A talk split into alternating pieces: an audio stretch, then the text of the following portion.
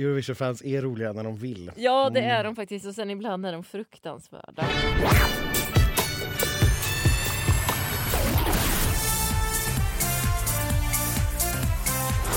Det här är så roligt att få säga.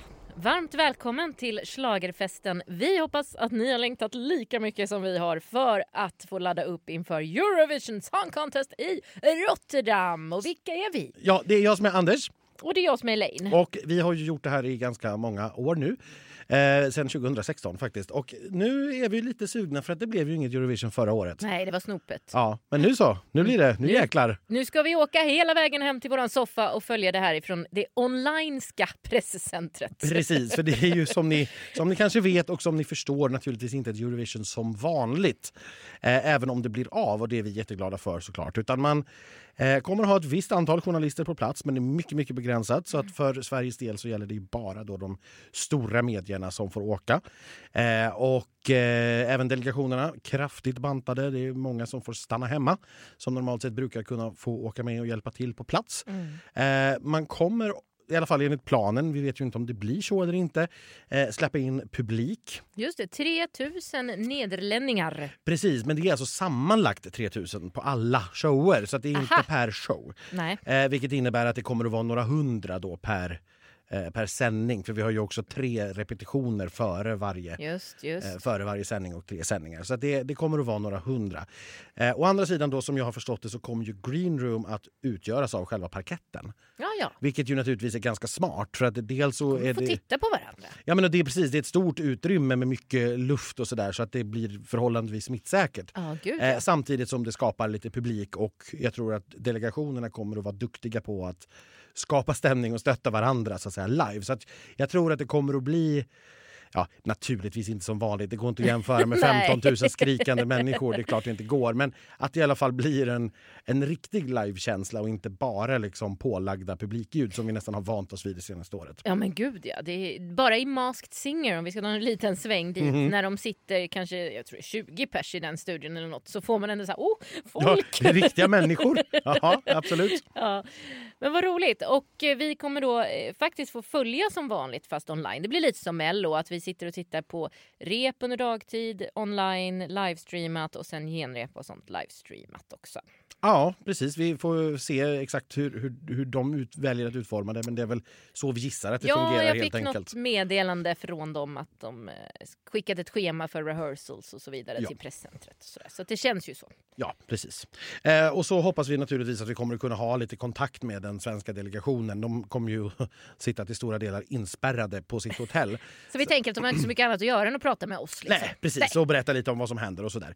Eh, men vi kan väl börja med det. Vi har ju såklart, det här avsnittet kommer ju handla nu om Sverige. Jajamän! Vi ska prata det det som vi ägnade ja, många veckor åt för att få fram en låt. Nu ska vi prata bara den låten. Ja, men det är ganska roligt faktiskt. Ja, när man får Det är ju en grotta... bra låt. Det är en jättebra låt. Den förtjänar ett eget avsnitt. Eh, Men som ni säkert har hört och läst så har ju Tusse lite röstproblem. Ja, väldiga röstproblem. Han ska göra något ingrepp till och med eh, hos doktorn. Ja, han har varit hos läkare och fått sina stämband undersökta. Och det här hände ju direkt efter Melodifestivalen. Eh, ni som minns att ni, ni såg honom på morgon-tv veckan efter att han hade nästan ingen röst alls. Ja, herregud. Eh, och eh, tydligen så sitter det här fortfarande i. Mm. Eh, att det är eh, lite problematiskt. Och vi vet ju ingenting egentligen om hur allvarligt det är. Men han det- har fått pratförbud nu. Han har fått pratförbud, han ska vila rösten och han har varit sagt hos, hos läkare och undersökt och ska göra någon sorts ingrepp. Ja. Det är läskigt. Så det betyder att vi kommer tyvärr inte eh, kunna prata med Tusse här i det här avsnittet. Men vi hoppas då som sagt att kunna få tag på honom. Eh, ja, få tag på honom. Men vi hoppas att han kan prata Mm. mellan repetitionerna i Rotterdam. Precis, och om, om han då mot förmodan inte kan det så finns det ju alltid Någon annan andra, prata någon med. annan som, som vi kan prata med. Precis, för vi, vi har ju fått tag på en person att prata med. i Precis vad jag tänkte i det säga. Det avsnittet. finns ju någon annan som kan prata. Och, och eftersom låten heter Voices så är det ju tur att vi har någon röst i Ja. det här programmet. Även om de inte är a million så är det i alla fall mer än en. Ja, men Eh, jag tycker nog att eh, den vi ska prata med A million voices, ja hon är, hon är powerful i det här sammanhanget. Det är hon absolut. Vi har alltså ringt upp eh, Lotta Furbeck som är eh, svensk Head of Delegation, alltså delegationschefen för eh, det svenska teamet på plats i Rotterdam. Ja, och det är ju den allra högsta tjänsten man kan ha i den svenska Eurovision-samlingen, truppen. Ja, eh, och jag vet inte, ska vi, ska vi börja med vad, vad vi pratar om helt enkelt? Det är väl lika så bra det. Och vi kan väl säga när vi pratade med henne, då visste inte vi att Christer Björkman skulle kommentera och att Carola skulle lämna rösterna. Det kom ju ett pressmeddelande strax, ja, några dagar efter vår intervju. Men det är därför vi är så förvånade över den saken. Ja, vi har inte blivit senila. Nej. Du får berätta lite om dig själv, eh, vem du är till att börja med. För det tror inte jag att de flesta av våra lyssnare har en aning om faktiskt. Vi har ju sett dig i flera år springa omkring och vara väldigt, väldigt upptagen med Melodifestivalen så vi har ju ganska bra koll på vad du gör. Men du är lite av en doldis. Så att, ja, vem är du? På Melodifestivalen så är jag ju konstnärlig ledare som det heter nu då. Eh, och är ansvarig för det man ser på Melodifestivalen, det visuella. Helt enkelt det, ja, det visuella uttrycket. Och du är väl kanske en av de under Melodifestivalen tror jag, som lägger ner flest arbetstimmar. För du har ju hela, hela dagarna med repetitioner och sen hela nätterna i viewing ungefär. Det stämmer. Och när viewingen är slut så fortsätter vi och fortsätter viewa bara med bildproducenten. Så det stämmer. Vi jobbar väldigt mycket. ja, mycket själ och hjärta. Mm. Ja. Och eh, utav de här 28 små bebisarna som ni födde fram i, i vintras så har det nu då blivit ett kvar som ska få tävla i Rotterdam. Och där har du fått äran att vara Head of Delegation. Va, vad innebär mm. det uppdraget? Head of Delegation? Det innebär ju att eh, man är chef och ansvarig för den svenska delegationen som åker ner. Så det är liksom du som är the big boss nu över Tusse i några veckor? ja, så, ja, så kan man säga. Men vi är, vi är ett härligt team, så är det ju. Eh, ja, okay, så det är inte bara du som behöver se till att han gör läxorna på hotellrummet med andra ord? Nej, Nej för det är en sak vi alla tror jag är lite oroliga för. eh, vad, vad, vilka, vilka är det som ingår i teamet? Ja, vi är väldigt reducerade, ett mindre team eh, i år som åker ner. En, en, I vanliga fall när den svenska delegationen åker ner. Eh, och det är ju Tusse och dansarna såklart, de hänger med. Mm. Det är en app till eh, Head of Delegation då. Det är press, eh, kommentatorer, eh, ett team runt Tusse. Det är eh, bildproducent och sen upphovsmän. Så även upphovsmän och bildproducent åker med ner till Rotterdam nu? Ja. ja. ja. Va, vilka funktioner är det som får stanna hemma? Eh, ja, det är bland annat är det stylist och eh, sminkör. Så vem ska styla och sminka Tusse då? Vi har multifunktioner vi det blir du alltså, vad roligt. Tusse behöver inte så smink, mycket smink i och för sig, han är ganska ung och Nej. fräsch. vi, har, vi, men vi har tagit eh, hand om det på ett annat sätt där nere istället. Okay. Jag förstår. Där. Mm. Ja, men det är ju smart. Mm. Va, va, va, när, när åker ni? Vi åker den 7 eh, maj. Och ja. sen börjar vi repa dagen på faktiskt redan. Det är tekniskt rep redan den åttonde alltså? För vi, jag har inte sett något repetitionsschema ännu. Nej. Men vi är Nej, den åttonde. Eh, för vi är i första ja. halvan av första semifinalen. Vilket innebär att ni är ju den delegation, förhoppningsvis får vi väl säga då, som får vara där längst av alla. Mm. och, det är... 16 dagar ja. är vi där. Mm. och det är ett normalt år är ju det roligt. Eh, vad ja. har ni för coronarestriktioner i år? Hur roligt blir det här egentligen? Alltså det blir annorlunda såklart. För det, eh, eftersom det är ett covid-år och restriktioner med det. Jag tycker att eh, team Eurovision har verkligen eh, tagit tag i det här på ett väldigt bra sätt. Det känns väldigt tryggt att åka ner. Men det är klart att det blir annorlunda för oss. Vi eh, sitter i självkarantän eh, innan vi åker ner. Vi kommer eh, testas innan, testas när vi kommer ner på plats med en gång. Vi kommer testas varje dag inför rep. Vi kommer befinna oss på hotellet och på arenan. Det är där vi kommer vara under de här 16 dagarna. Ja, det är inte riktigt som ett Eurovision jag känner igen. nej, nej. Du ska vara glad att du inte ska åka år, Anders. Ja, ska jag hoppa över något år så är det ju i år. Alltså. Det, men nästa år, jäklar, då, då tror jag det tar blir vi igen det. Ja. Det blir ju lite som Mello, så kan man säga, som vi hade det nu. Det här med att det blir väldigt... Man kommer delas in i så bubblor. Eh, man, man, eh, man får sin zon att vara i. Man måste hålla sina avstånd, munskydd tvätta händerna. Ni vet hela det här som vi även Mm. hade på Melodifestivalen. Och och inte att man går igenom de andra delegationerna utan man hänger inte med dem utan man är i sin bubbla och där håller även avstånd här. Så det blir ju... Och, och sen som sagt så är det ju på arenan och på hotellet vi kommer vara. Vad, vad Vi händer? får, vi får motionera utomhus, det får vi göra. Vi Ja, får gå ut och ta promenader i den friska luften. Liksom. Men, men Ja. där är det. Mm. Vad, vad händer om man upptäcker ett coronafall i någon delegation? Ja, då, då, eh, först sätter den personen i karantän och sen spårar man ju lite då, då beroende på vad det är. Men, men eh, worst case scenario är ju, då blir ju hela delegationen satt i karantän. Och då det är det finns det ju en eh, backup-plan, vet vi. För det första, om det skulle hända i början nu så eh, har ju vi eh, genrepet det skickade vi in eh, som en backup, alltså från Melodifestivalen skickade vi till eh, Rotterdam redan då för att ha som en backup. Eftersom vi inte riktigt var hundra att det skulle bli av. Eller att, ja, man vet ju inte riktigt hur, hur det skulle bli liksom med, med tävlingen med Eurovision överhuvudtaget. Eh, vilka scenarier som skulle bli. Så då har vi redan en backup där. Sen kommer vi då även eh, filma eh, andra repet på plats. Det kommer också filmas som en backup. Så då har man det till själva sändningen i sådana fall också. Och också naturligtvis genrepen om det skulle vara så. Tänker Ja, jag, även på plats i Ja. Rotterdam. Och Ja, ja. eh, även tävlingsframträdandet kanske från semifinalen om något skulle hända till finalen. finns i bandet. Ja, Ja. absolut. Därför vi Mm. läste ju till exempel nu för några dagar sedan här att Australien kommer ju inte kunna resa och det är väl fullt begripligt eh, eftersom läget är som det är. Så de kommer ju att ha sitt Ja, eh, live on ja tape-framträdande. till live on tape, precis. Mm. Och det är alltså Mm. den möjligheten. Har du hört någonting ifrån några andra eh, delegationer att man är tveksam på att åka eller att det är svårigheter någonstans? Jag tänker det är flera länder utanför EU till exempel som behöver särskilda Ja, inte än. att- Och vi har ju ändå, ändå haft ganska många möten. Eh, eh, Eurovision-teamet där nere har ju vi haft väldigt mycket så Head of Delegations-möten där vi har pratat mycket om corona. Och än har jag inte hört någonting om att det skulle vara något annat land som inte kommer att åka dit. Då hoppas vi på det bästa. Ja, verkligen. Ja. Eh, kan du berätta Mm. lite hur, eh, hur schemat ser ut där, eh, där nere? För jag vet ju i normalfallet så är det ju rep eh, och så är det ju massvis med intervjuer dagarna i ända. Nu blir det ju inte så mycket intervjuer. Eh, Nej, har- det är väl- så att säga. Eller digitalt kanske. Ja, eller digitalt då. Men, men det blir ju inte alls som, som det brukar. Vad, vad, vad planerar ni att göra med all den här dödtiden? Mm. Spela spel? Nej, nej, ja, nej. det, vi måste ju även där då hålla en och en halv meters avstånd liksom, hela tiden. Så att ja, ja, man får ta med sig en bok, tänker jag, och Mm. läsa. Och sen får vi väl ta promenader då när vi får gå ut. Att vi får gå ut och, ja, det, det är väl så vi tänker. Ja, vi får njuta av den tiden på det bästa sättet vi kan. Vi, får hänga. vi kommer ha en hangout area där på hotellet där vi får hänga och vara. Vi kommer lära känna varandra väldigt väl inom teamet. Jag tror att det är ett härligt team man åker vi, kommer, vi kommer verkligen känna varandra där nere.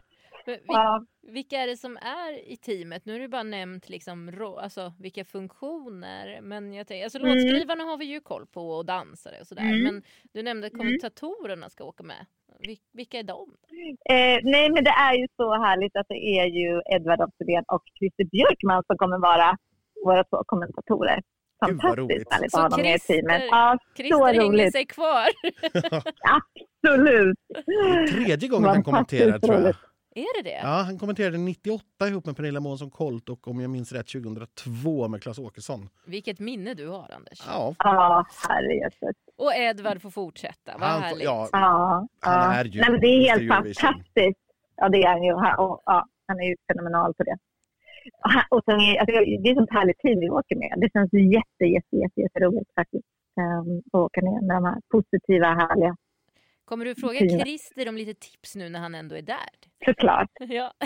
Nej, men han är, alltså, vi har ju, ända sedan jag började, var det 2014, så har ju vi liksom jobbat tajt eh, många månader, månader om, om året. Liksom. Så han har ju alltid varit mitt bollplank och min go-to person hela tiden. Det kommer han fortfarande vara nu också. Eh, men vi har ju även jobbat ihop Eurovision. Jag har ju varit, när han var tävlingsproducent till exempel i Kiev, då var jag hans assisterande här. Så då hängde vi där och ja, jobbade igenom, igenom den resan tillsammans. Och så där. Så att jag, jag har ju sett liksom båda, eh, både att ha ett bidrag men att även jobba med 43 bidrag. Liksom. Ja, så. Ett då. Hur, hur känns Ja, det- eh, organisationen i, i Nederländerna? Hur- Har ni bra stöd ifrån dem? Känns det liksom lugnt och tryggt? Det känns jättebra faktiskt. Det är väldigt mm, bra möten. Vi hade senast nu ett litet mindre möte i, i måndags med några de, delegationer bara där vi kunde ställa massor med frågor och mycket var ju såklart corona eh, restriktionerna och vi gick igenom grundligt. Liksom. Jag tycker att de känns toppen eh, där nere faktiskt. Vilka... Eller förresten, innan, innan vi går in på det. Vi, vi fortsätter Mm. frågan. Eh, Hemifrån då? Eh, så, ja, förutom stylister. Någon ska ju lämna våra poäng också. Vilka är det som kommer att göra det? Eller vem kommer att göra det? Ja, vem kan det vara om inte våran allas Carola? Nej, det Nej, sant? Carola minsann! Gud, jag blev faktiskt jättechockad. Vad roligt! Ja, det är 20 år sedan hon vann Eurovision, så att det är klart. Ja, Mm. såklart. 30, förlåt. Gud, Ja. så gammal är jag. Exakt. Och tydligen hon. Exakt. Nej, roligt. Ja, det var roligt. Så Eh, roligt. ja. Vilka, alltså hur är förutsättningarna i Rotterdam? Hur ser scenen ut? Liksom? När fick ni reda på den? Och eh, vilka Det är förändringar? samma scen, ja, samma scen som Förra var tänkt att vara förra året. Det är Mm. samma. Eh, den är lite mer asymmetrisk eh, än vad våran var som var väldigt liksom eh, som en lång catwalk kan man säga. Eh, det är en stor LED-vägg som vi har jobbat jättemycket med att eh, ska man säga, jobba mycket med content, alltså det man ser i de här LED-väggarna har vi jobbat jättemycket med. Jag har tagit in ett team faktiskt från Kiev som gör det. Um, ja, och sen har vi ju, jag menar, man, vi har ju anpassat numret såklart, men vi har ju ändå försökt hålla det till det eh, essensen i det numret som vi hade från eh, Melodifestivalen. Med portalen och att Tusse går från det mörka till det ljusa. Eh, mörkt vatten runt omkring honom som sen blir ljusare och ljusare. Liksom. Eh, få in värmen i numret. Vi har lagt till lite små detaljer. Vi, vi, vi pratar om ledorden är från det organiska till eh, monokrona till, det, till mörkret till ljuset. Och så. Det har varit våra ledord Snyggt. när vi har jobbat med content. Ja, det känns eh, riktigt härligt. Och eh, både Robin och Jönsson, vår bildproducent och vår ljusdesigner eh, är ju med hela vägen. Och Sasha såklart. Så, eh, Sasha Shobatis är med och jobbar fram numret tillsammans med mig. Då. Och även Christer har haft en liten, litet finger med i spelet. Ja, det förvånar mig inte. Sasha är ju annars lite otrogen i år. Hon är ju med och, Ja. och gör ganska många nummer faktiskt. eh, Hon och hennes Ja. kollegor åt våra, hos våra Mm. konkurrenter. Mm. Hur känns det? Men, men kärleken, nej. nej, men... Eh, nej, men det är, det är jättekul att hon är där. Men, eh, och, så. och vi har ju ändå jobbat fram det här numret här hemifrån. Det är li- likadant Robin Hovander är, är med och bildproddar eh, ganska många nummer också. Där. Vi, vi, vi, har, vi har ett bra team i Sverige helt enkelt. Mm. Ja, som alla vill jobba med. Mm. Har du lyssnat in dig något på konkurrenterna? Ja, det har jag Och vem är du Det rädd för? Nja, jag, eh, jag, alltså, om man tittar på bettinglistorna och vad som ligger där så är det väldigt, alltså de som ligger i toppen där vi också är, vi ligger där i toppen, liksom, så är det ju det- varierade uttryck på de låtarna. Det beror ju lite på vad, vad, vill, vad vill folket och publiken ha efter, efter covid då, jag. För det är väldigt olika uttryck. Jag vet inte om ni också har lyssnat på de som ligger i toppen där speciellt så är det ju mycket olika känslouttryck. Liksom. Mm. Är det feel good eller är det det här come together-känslan eller eller sparsmakade? Det är lite så. Eller är det som Ja. Bulgarien satsade på, det lite mer suicidala? Ja. Det var, det var ju så här, de hade ju en uttagning med fem låtar eller någonting och alla hette ju någon sån här My own funeral och Imorgon ska jag dö. Eller så här, det var ju helt vansinnigt depressivt. Och nu blev det väl Growing up is getting old. Ja, precis. Och- Ja, precis. Det var det. Ja. Ja, nej, det, jag håller med. Det ska faktiskt bli jättespännande att, att se det där. Att ser vi någon skillnad i år nu när det inte blev något förra året och ah, hela, liksom, hela Europa verkligen har gått igenom ja, den största prövningen Ja, sedan andra världskriget. Ja. Liksom. Vad har du för liksom, favoriter då, förutom Tusse? Eller vilka, vem tror du på? Ja, det, det här är svårt. Jag, jag, jag, jag känner att det får publiken tittarna avgöra sen hur det är. Men det är klart att det är ju de som är i toppen nu på bettinglistorna som är eh, våra konkurrenter. Men jag, jag eh, tror på Tusse. Ja, det är väl nästa fråga här. Vinner vi? Det är det enda Elaine bryr sig om. Ja. Det, det är ja, ja nej, det kokar ner till det. Vinner vi? Det hoppas vi verkligen. Nej, men det- skulle vara extremt roligt och han är ju där i toppen men det är klart att det är som sagt, det är publiken, det här är ju så svårt att förutspå. Det är ju som på Melodifestivalen också. Man, man, eh, det, det, finns, det går inte att, att förutspå det här. Men det är sjukt spännande. Mm. Och jag tror att vi kommer vara i, i, i toppen. Hur är det, jag måste fråga, hur, hur mår hans röst? För den var ju ganska rejält eh, krackelerad. Jag kommer att tänka på det när du sa Carola här. För hon rå, råkade ut för samma sak eh, när hon tävlade 2006 där att rösten Ja. gick sönder under Melodifestivalen och den återhämtades ju faktiskt inte riktigt till Eurovision. Nej, ja, men just nu så är det bra. Så vi får väl eh, hoppas att det, att det håller i sig så. Har han, har han talförbud eller något sånt där? Han inte får prata och sjunga för mycket nu då? Man, man får, man ska, så här, han får väl tänka på det lite mer eller så, att vara observant på när han känner att vi måste ta det lite lugnt. Liksom. Men annars känns formen bra. Ja, alla är ju sjukt peppade att åka ner. Så vi har haft, eh, ja, det är liksom annorlunda då. Vi har gjort vykorten istället för att åka ner så har vi gjort själva här hemma och det har ju också varit eh, teambildande. Liksom. Det är skitkul att göra det. Liksom. Att träffas och göra de här sakerna tillsammans innan. Det varit roligt. Ja, det låter lite roligt. Jag är väldigt avundsjuk på er. Ja, finns det någon plats i teamet åt mig? jag, kan, jag kan vara sminkös då, som fick stanna Ja, hemma. Men det behövs ju någon. Anders, stylist också. Ja, Anders stylist. Blir det samma kläder på tal om stylist eller kommer vi byta Ja, kläder? vi kommer väl tweaka till dem lite, men vi behåller grundkänslan röd. Mm. Men vi kommer tweaka till det lite grann. Likadant som numret. Vi spetsar till det. Vi tar det en nivå till.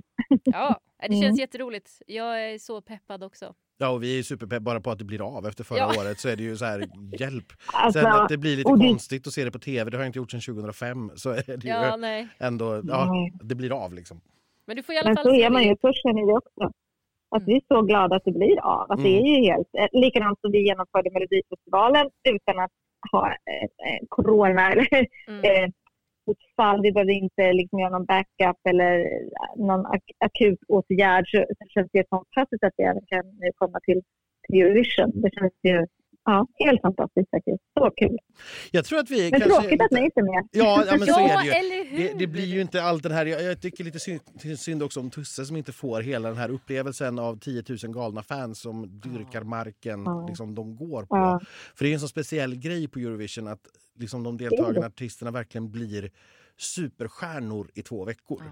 I en stad eller en by eller någonstans där alla vet vilka de är och alla vill ha bilder och alla vill ha autografer och alla vill prata. Och liksom, Lady Gaga hade inte varit mer imponerande än en sångerska från Bulgarien. Nej. Det är en Nej, nej, jättekonstig det är situation. Det måste vara så underbart för de människorna att få den upplevelsen. Att Tusse inte riktigt får den. Det är... För han hade nog Mm. älskat den och den hade passat honom Det väldigt bra. absolut. Men det finns ju Ja, ingen annan lösning på det. Att han får komma tillbaka till Melodifestivalen och vinna fler gånger. Den möjligheten Exakt. finns ju. så det är. Men vi kommer ju ha publik på plats nu i, i Rotterdam. med 3500, men de kommer ju vara sittande och längre bort. Liksom. Det blir ju inte alls det du säger, att fansen också står... Alltså de peppar ju sina eh, favoriter, sina artister, och, eller alla artister, Ja. på ett helt fantastiskt sätt. Liksom. Runt om er genom att få den där livekänslan. Så kommer det inte vara. Det är liksom, Nej, men som alltså, sagt, i slutändan är man ju så glad att det blir av ändå. ja, man, får, man får vara glad för det. Men som, som sagt, det här är en fullpackad arena med 20 000 människor som skriker för allt vad de Mm. kan. Är ju... Mm. ja, vi får hoppas på nästa år. Ja, det gör vi. eh, Ja, det gör vi. Men ja. jag och så tror ser vi till att vinna det här nu så vi får hit det då. ja, det vore ju jättesmidigt. Ja. Det vore jättesmidigt. Fast då får jag inte åka på något Eurovision då heller. Ja, Nej, det är det då. ja, får lägga det åtminstone i någon annan stad än Stockholm. Övik eller något Övik har vi pratat mycket om. Ja, Övik. Ja, men hörru Lotta, tack så jättemycket för att Ja. vi fick ta din tid. Eh, och världens största lycka till nere i Rotterdam. Eh, vi kanske hörs av någon mer gång under eh, tidens gång här, det vet man aldrig. Så härligt. Så kul att få prata med er. Ja, detsamma.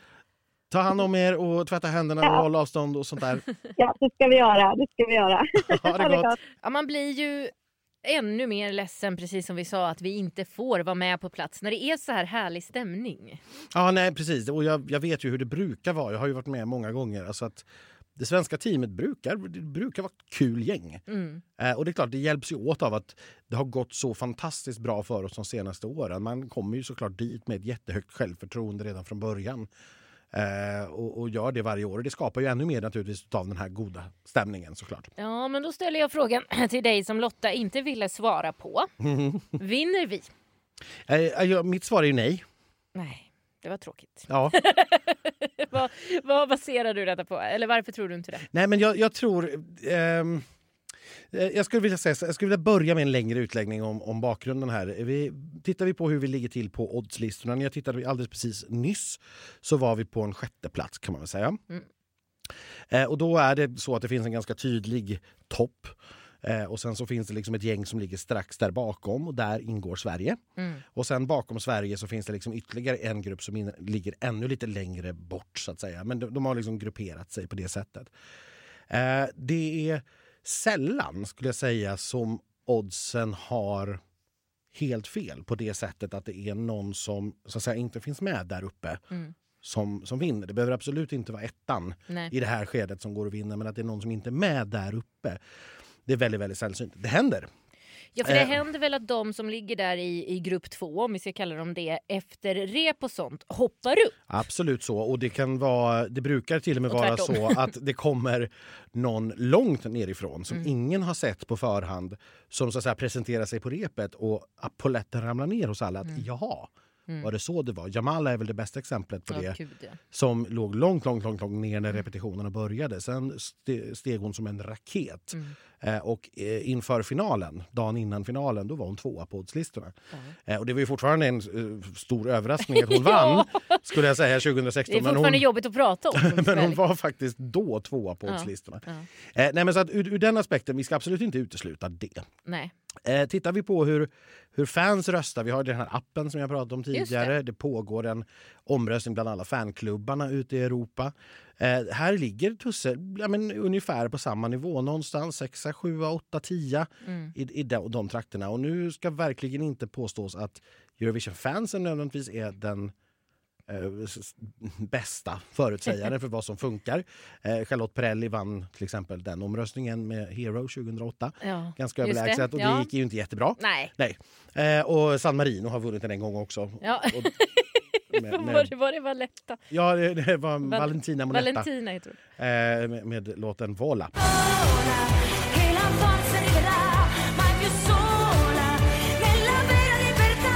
Eh, som ju inte tog sig till final sen i, i Eurovision. Så att, absolut inte, men det är också samma sak där. Det är väldigt sällan som vinnaren inte återfinns i toppen Nej. av den omröstningen. Eh, och, och där är liksom inte riktigt, riktigt Tusse. Men jag tror så här, jag tror att det följer, jag tror att vi kommer att följa samma bana ungefär som vi kanske hade med John Lundvik. Mm. Eh, för han gick också in i tävlingen när vi liksom började repetitionerna. Någonstans kring femte, sjätte plats på oddsen och i alla omröstningar och sådär. Sen var det ju några då i toppen som presenterade sig på repen och föll ifrån. Ja. För att det, det funkar inte. Man ser att det här numret är helt feltänkt eller personen kan inte sjunga låten live. Eh, eller det är någonting annat som stör. Det, bara, det här stämmer liksom inte. De har på sig jättefula kläder eller vad Ja, det nu kan ja. vara. Specialeffekter som inte funkar. så det kan vara vad som helst som gör att det liksom bara faller ifrån.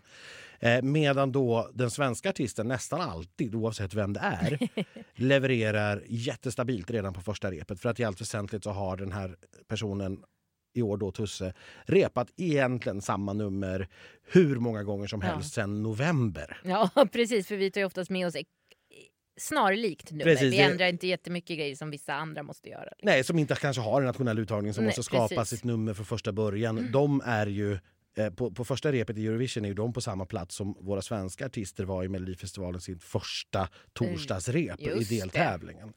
Eh, och det är klart, då har vi ett jätteförsprång. Och då brukar det hända att Sverige helt plötsligt framstår som en fullt tänkbar vinnare. Ja. Det var det som hände med John. Jag kommer Mm. ihåg när jag, när jag kom till Tel Aviv så var det, när jag landade var precis under Johns andra Just repetition och när jag ställde mig i säkerhetskontrollen eh, precis när man hade fått wifi när man hade landat, då var Sverige på femte plats på oddslistan. När jag kom ut ur säkerhetskontrollen, man har ju säkerhetskontroll för inresa i Israel, eh, då var vi på andra plats på Ja, oddslistan. ja. Så på den tiden så hade vi liksom repat hela oddslistorna, eller oddsmakarna hade liksom hunnit reagera på att jäklar, det skulle faktiskt kunna hända. Mm. Bara därför att det är så stabilt och Mm. säkert och liksom finns ingenting att klaga på. Det finns inga fel att hitta. Nej. Eh, och den resan tror jag att vi kommer att göra också. Så vi kommer att gå in i tävlingen här nu som kanske sexa på oddslistan. Eh, sen tror jag att några av de som ligger över oss kommer att falla ifrån. Mm. För att när man ser det live, nej, kommer inte vara speciellt intressant eller kul. Kommer inte vara så bra. Är det några nu som du tror, om du tittar på topp Mm. eh, över oss, vilka är liksom störst risk att falla ifrån? Jag har väldigt svårt att tro att Frankrike kommer att ligga kvar där uppe. Ja, ja. Eh, jag tror absolut att Frankrike kommer att få en bra placering i år. Det är inte det, men jag har väldigt svårt. De ligger så tvåa just nu på oddset. Mm. Hack i häl då på Malta som är Just det. oddsledare. Det har jag väldigt svårt att tro att de kommer att, behålla. Vi har även Bulgarien där uppe som jag har eh, lite svårt att se. De var ju oddsvinnare får man väl då säga förra året. Just. Eh, alltså när tävlingen ställdes in, då var det Bulgarien som var etta eh, på, på oddset. Och jag kan liksom inte komma ifrån känslan av att eftersom det är samma artist Mm. Att att det det liksom bara på något vis går av bara farten. Ja. Sen skulle det också kunna vara så här, det har ryktats om det tidigare med, med vissa länder, att delegationerna eller tv-bolagen eller skivbolagen eller vem det nu är då bakom numret eh, själva går in och hela tiden satsar pengar. För att se till att bidraget så att säga, är en av favoriterna, en av de som hela tiden nämns i media, hela tiden ska spelas upp små snuffar i Smart. Inte så schysst, men smart. Alltså det är fullt, fullt enligt alla regler, men det, det är så här, man kan inte utesluta att det är så. nej, nej. eh, där heller. Nej, men det är såna som, som jag tror... Ja, jag tror att de kommer, kanske inte kommer att vara riktigt så högt Men upp i alla Malta känns väl ändå stabil fram till Malta repet. känns De har ju absolut ett toppteam bakom sig. Det är ju svenskar med Sasha som Ja, precis, precis. Vi ska inte gå för och- djupt in, in Nej, på detta. vi kommer ju dit sen. Vi- Precis, vi ska prata om oddsfavoriterna. Men ja, nej, Malta som eh, är där uppe tror jag absolut kommer att stanna kvar. Schweiz kommer att stanna kvar där uppe. Jag tror inte att han kommer att göra någon besviken. Men sen har vi också Italien som ju är en lite svårdefinierad Ja, Ehm, ja, var, var, var, vart har vi dem egentligen? Är det genialiskt eller är det bara skränigt? Det, är, det förtjänar nästan en egen podd. ja, exakt. Vi får göra ett helt avsnitt om, heter de Måneskin? Ja, Måneskin, ja. Jag hatade den från början, men det där är en sån här som... Mm, den är lurig. Den är Den är lurig, lurig. faktiskt. Den är så. lurig. Nej, men, så att här, jag, jag skulle vilja sammanfatta som sagt Sverige på det sättet. Jag, jag, tror, att vi, jag tror absolut att vi kommer i topp 10. Ja. Eh, vi kan mycket väl klara en topp 5. Mm. Eh, men om vi skulle liksom vara med och utmana i den absoluta toppen, jag, jag tror inte det. För jag tror att våra låtar som vi får fram ifrån Melodifestivalen, de är lite för mycket in the middle of the road. Vi har en ganska tydlig uppfattning i Sverige om vad eh, både Melodifestivalen och Eurovision Song Contest inom citationstecken ska vara. Mm. Eh, och det är ganska mainstream, Spotify main, pop, ganska tydliga amerikanska influenser. Ja. Och, och problemet är att vi är ganska ensamma om att tycka att Eurovision ska vara det. Ja, ja, då blir det svårt. Ja, för att vi har i hela Balkan tror man att det ska vara en kvinna som sjunger en smäktande ballad. I Eh, Albanien tror man att det ska vara en skrikande kvinna. Ja, precis. Ja, Till och med ja. det. Eh, vi har Östeuropa handlar väldigt, väldigt mycket om numret och det handlar väldigt mycket om liksom, eh, produktion och att det ska vara liksom, explosiva effekter. Spanien skickar nästan också väldigt mycket såna här ballader och Portugal har ju alltid skickat sin fado, inte i år då. Men så att alla länder och regioner har på något vis sin egen uppfattning om vad Eurovision ska vara. Ja. Och håller man sig, vinnaren är ju den som lyckas få alla att enas. Ja. Att, men, så här var det i år. Mm. Men jag tror inte att Sverige när vi är så in the middle of the road som vi är i år. Ingen kan, ingen kan tycka illa om Voices. Nej. Det är en skitbra låt. Ja. Men ingen kan ta, kanske ha den som favorit Exakt. heller för att Det- den inte sticker ut. Jag tror att precis som vanligt så kommer vi få jättemycket eh, jurypoäng. Det Eh, tror jag också. Och jag tror att vi kommer att få poäng ifrån Nordeuropa och Västeuropa. Mm. Eh, lite fattigare ner ju längre söderut vi kommer i Sydeuropa och kanske nästan noll i Östeuropa. Mm. Eh, och då räcker det förmodligen då till en fjärde, femte, sjätte plats någonstans. Men det är väl gott nog Ja, Mm. får man säga. Och på nog. något sätt så känns det, jag vill ju ofta gå in i tävlingen med eh, liksom, vi kan vinna. Mm. För att det blir ju mer kul då. Ja, det beror på hur man är lagd som person. Om man Ja, men- föredrar att bli besviken eller föredrar att bli positivt överraskad. Ja exakt, men nu tänker jag att i år får jag väl gå in då med inställningen nej vi kommer inte vinna. Så kanske jag blir eh, positivt överraskad eller så eh, kanske jag bara blir jättenöjd över att någon annan favorit till mig vinner. In, inte för att mina favoriter kanske just är på topplistan heller, men det, det kommer vi också komma till i senare avsnitt. Ja. Nej, men, eh, det som skiljer i år kanske något från tidigare år om vi håller oss i relativt kort eh, tidshorisont är ju ändå att förra gången vi hade tävling då i Tel Aviv 2019 så var Nederländerna en ganska stor favorit redan från början. De var var- en ganska tydlig oddsfavorit. Mm. Eh, året innan det i Lissabon så var faktiskt Netta en jättestor tydlig favorit. På Mm. plats blev hon utmanad av Eleni från Cypern Jaha, som ju liksom presenterade sig på, alltså på får man väl säga. världsklass-sätt. Eh, ja, exakt. Eh, men, men i år finns ju inte riktigt det. Ja, Malta är favorit, men det är absolut inte en tydlig favorit. Nej. Eh, det är liksom hack i häl som ganska många eh, bidrag är. Och då skulle det naturligtvis kunna öppna upp för att Sverige och Tusse då kan liksom kamma hem sexor, sjuor, åttor Mm. Från nästan alla länder. Mm. Och att det skulle kunna öppna upp för en vinst. Mm. Så vi ska inte, vi ska inte måla fan på väggen här. Eh, Fast det- nu ger du mig ju falska förhoppningar igen. Nu kommer jag ju kliva in igen med förhoppningen att, och tro att vi ska vinna när du säger Ja, sådär. nej, men jag, jag vill försöka vara så balanserad som möjligt. Så här, jag, om, Ja. om du frågar mig vad jag tror, ja då tror jag på som sagt någonstans fjärde, femte, sjätte, sjunde plats. Ja, Ja. ja. Eh, är det möjligt att vinna? Ja, det är klart det. Ja. Ja. Eh, för att det- är ju så här, väldigt, väldigt mycket ska nu hända. Det så fort vi sätter igång med repetitionerna så är det, det går åt båda håll. Mm. Dels brukar det vara någon i toppen, några i toppen, som faller ifrån. Som blir klart att det här kommer inte att hända, kommer inte att funka. Men det brukar också vara från andra hållet. Mm. Som Jamala då till exempel. Eh, Tyskland hade vi i Lissabon. Eh, som jag inte tror att någon trodde skulle vara i topp fem innan vi såg repetitionerna. Just det. Eh, Just det. och vi har haft andra såna låtar som kommer och liksom presenterar sig Mm. på repetitionerna. Eh, att eh, de kanske ligger liksom 15-20 plats nu på oddslistan men så helt plötsligt så seglar de upp under repetitionen. Någon sån kommer vi också ha. Jag tänkte säga, om jag vänder frågan nu då. Vilka är det som du misstänker kan göra det? Har du några tankar eller är det det- alldeles för svårt? Ja, nej, men det är lite grann det som är grejen med dem. Det är att ingen kan föreställa sig dem Nej, nej. Så det finns... förrän man har sett det. Det är lite grann det som är Ja.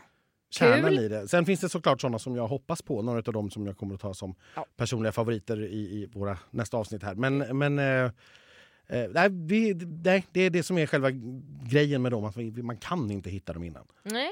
Nej, kul! Mm. Och mer då, eftersom det här är ett avsnitt lite om Voices och om Sverige framför allt. Hur känner du nu? Vi fick ju då veta som sagt att Christer Björkman han sätter sig bredvid Edvard af som gör sitt tionde år Mm.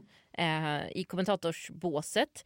Eh, är det här Christers egen önskan eller passar han på att hitta en roll för att få ändå följa med och ha ett finger med i spelet? Nej, Jag tror att det var en kombination av massa olika saker. Men jag, jag tror att det blev en, en logisk följd av att han var programledare i Melodifestivalen. Mm. Eh, Edvard brukar ju plocka upp någon därifrån faktiskt. Mm. Eh, och, och, så det krävdes kanske inte... Vi var inte, som ni hörde i intervjun, vi var inte lika förvånade över Christer som vi var över att Carola, Carola skulle lämna med. röster. Nej, eh, att Christer skulle kommentera eh, kanske kanske vi hade anat redan i februari. så att säga. Eh, och sen, han har ju gjort det som sagt då, två gånger förut och eh, tycker nog att det är jätteroligt. Eh, så att, nej, men jag, jag tycker också att det ska bli jättekul att få höra honom. Det kommer ju vara Edvard såklart som styr, som skriver manuset och egentligen bestämmer vad Christer ska säga. ja. Så att det är mångt och mycket. Men det är ju... Både Christer och Edvard är väl de två personer i Sverige som jag tror älskar tävlingen allra, allra mest och sammanlagt kan allra, allra mest om den. Ja, gud, ja. Och det innebär ju också att det finns inga bättre att kommentera än de två i par. Nej, nej, det tror inte jag heller. Och så tror ju jag då fortfarande, eh, som Lotta även hintade om, att då kommer ju Christer också kunna vara med och stötta och hjälpa till lite på plats. Natu- naturligtvis. Eh, han eh, ju... Släpper inte det där. Nej, nej, nej, det gör han inte. Lotta ska inte tro att hon får komma och jobba i fred. Inte. Det, nej. Men det lät som hon var ganska tillfreds med det. Ja, ja precis, de är ju vana vid det. Så att det är ett arbetssätt de är vana vid sen Mello. Ja, men och kul med Carola som röstavlämnare. Mm. Det, det är ju väldigt passande. eh, För som du då nämnde lite snabbt så ja, det är ju 30 år sedan som eh, Fångarna av en stormvind vann Eurovision. Så Mm. det var väl superlämpligt. Och nu är jag jätteduktig på att dansa också. Vi kanske får en liten passo doble där innan, eh, innan eh, röstavlämningen. Ja, det, Kan hon bete sig? Det är frågan. Hon är ju så oförutsägbar den här människan. ja, å andra sidan, det är inte många sekunder de får vara i bild, de där stackars röstavlämnarna. Så att, Nej, eh, men det, det, det, det kan räcka för vissa. Man har ju sett exempel på det Ja. här. Det ska bli väldigt roligt i alla fall. Jag tycker det var ett jättekul val och väldigt oväntat. Sen eh, vilka då som ska eh, sitta i den här juryn som vars poäng Carola ska leverera. Ja, det, vet vi inte det vet vi inte ännu. Det brukar komma kring månadsskiftet april-maj. Så att, Ja.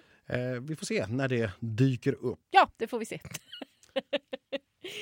Men har vi något, jag skulle vilja prata i evigheter men då kommer jag glida ifrån just ämnet Sverige och det är det vi skulle hålla oss till i det här avsnittet. Mm. Eh, så att vi kanske bara ska sluta prata och eh, göra plats för nästa avsnitt. Och då ska ni få veta vilka som är våra favoriter. Så gör Det vi. gör vi! Hej då! Hej då!